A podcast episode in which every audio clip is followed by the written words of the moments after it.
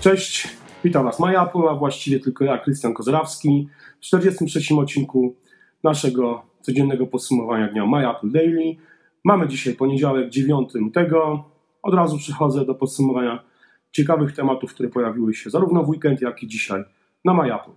Może zacznę od tego, że Apple już podobno rozpoczęło szkolenia pracowników, którzy mają w kwietniu sprzedawać zegarki Apple Watch. Mają się one pojawić na pewno w Stanach Zjednoczonych, gdzie jeśli chodzi o inne kraje, nie wiadomo. Ja osobiście liczę na to, że pojawią się przynajmniej w kilku krajach europejskich i nie będziemy musieli jechać na koniec świata, żeby je kupić.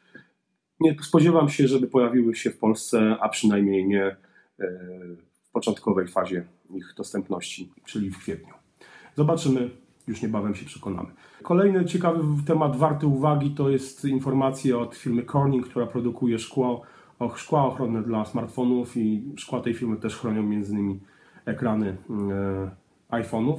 Zaprezentowała albo zapowiedziała bardziej ona e, nowy rodzaj materiału, szkła, które mm, ma być odporne na, na zarysowania w takim samym stopniu jak szkło szafirowe. Jak wiecie, e, współpraca Apple z firmą GT Advanced Technologies zakończyła się fiaskiem. Fabryka w Mesie nie była, w mieście Mesa w Arizonie nie była w stanie wyprodukować odpowiedniej jakości szkieł, które, szyb, które by chroniły ekran nowych iPhone'ów. E, firma GT Advanced Technologies ogłosiła upadłość, a e, kompleks zakład Mesa zamiast huty szkła szafirowego stanie się dużą serwerownią Apple.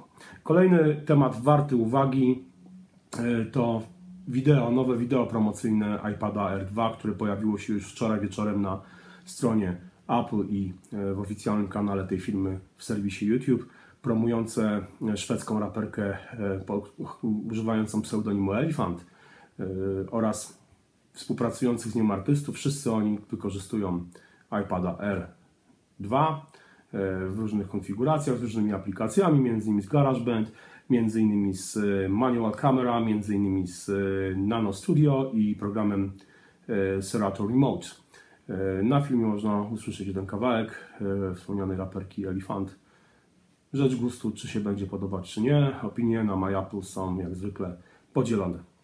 Z kolei czeski serwis Letem Svetem Applem zapowiada na e, ten miesiąc, na dokładnie 24 lutego, e, aktualizację MacBooków R. Niestety e, nie chodzi tutaj o 12-calowego MacBooka R, ale o niewielką aktualizację obecnych modeli. Komputery mają dostać przede wszystkim więcej pamięci RAM, więcej pamięci masowej oraz y, nowe procesory Intela, y, oczywiście z szybszym zegarem. To właściwie tyle, o czym chciałem Wam powiedzieć w dzisiejszym odcinku My Apple Daily. Ja już myślę, że jutro wracamy do naszych dwuosobowych podsumowań z Pawłem Okopieniem. To tyle, trzymajcie się, dzięki, na razie, cześć.